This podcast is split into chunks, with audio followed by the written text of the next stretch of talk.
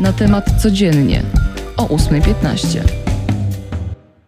Cześć, tu Magdalena Stokłosa. Mamy 9 lipca, a wysłuchacie na temat codziennie nasz nowy podcast informacyjny.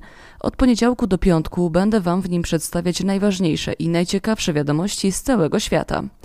Zaczynamy od polskiej polityki. Do sześciu razy sztuka. Sejm wybrał wczoraj Rzecznika Praw Obywatelskich. Został nim profesor Marcin Wiącek, który od 2017 roku pełni funkcję kierownika Zakładu Praw Człowieka Uniwersytetu Warszawskiego. Wybór potwierdzić musi jeszcze Senat. Głosowanie w tej sprawie zaplanowano na 21 lipca. Teraz Warszawa. Miejscy radni zatwierdzili uchwałę zakazującą poruszania się po mieście antyaborcyjnych i homofobicznych furgonetek i to pod karą grzywny. Oczywiście decyzja wywołała niemałą burzę zarówno na sesji, jak i później w sieci. Sebastian Kaleta z Solidarnej Polski na Twitterze pisał m.in. o jawnym naruszeniu konstytucji i ustawy o samorządzie gminnym. Burzę wywołała także ustawa nazwana Lex TVN. To projekt nowelizacji ustawy Krajowej Rady Radiofonii i Telewizji. Zakłada, że medialne spółki w Polsce nie mogłyby być kontrolowane przez podmioty spoza europejskiego obszaru gospodarczego. Najbardziej uderzyłby więc w TVN właśnie, który należy do amerykańskiego giganta Discovery. Jak nieoficjalnie ustaliła WP, Lex TVN może być wykorzystany jako karta przetargowa w relacjach ze Stanami Zjednoczonymi. Więcej o tym przeczytacie na natemat.pl, tam też Was odsyłam. Teraz o zamieszaniu, ale na granicach. Słowacja od dziś otwiera wszystkie przejścia. To po apelach mieszkańców przygranicznych miejscowości oraz lokalnych samorządów. Z kolei zamykają przejścia dla nas Czesi. Republika Czeska przywraca kontrolę na przejściach. Z Polski wpuszczane będą tylko osoby zaszczepione, ozdrowieńcy z certyfikatem lub osoby, które posiadają negatywny test na obecność koronawirusa to jak już zaczęłam o koronawirusie, lambda, nowy wariant koronawirusa, może być już w Polsce.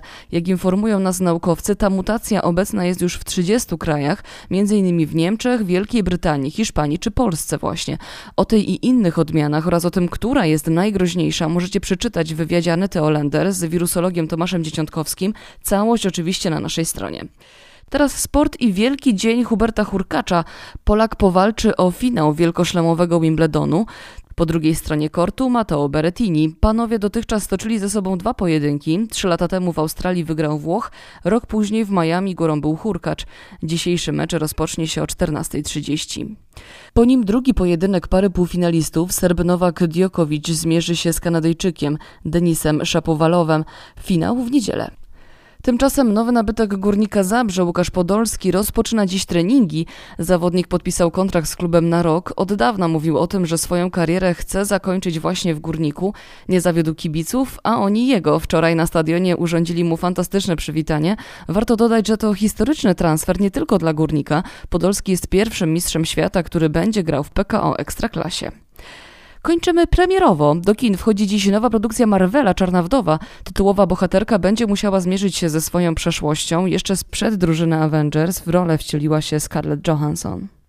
Na dużych ekranach zobaczymy dziś także produkcję Piotruś Pan i Alicja w Krainie Czarów. Scenarzystka Brenda Chapman postanowiła połączyć te dwie postaci i opowiedzieć znaną historię z zupełnie innej strony. W filmie zobaczymy m.in. Angelinę Jolie. I to już wszystkie informacje, które przygotowałam dla Was na dziś. Magdalena Stokłosa, kłaniam się, dziękuję i słyszymy się ponownie w poniedziałek.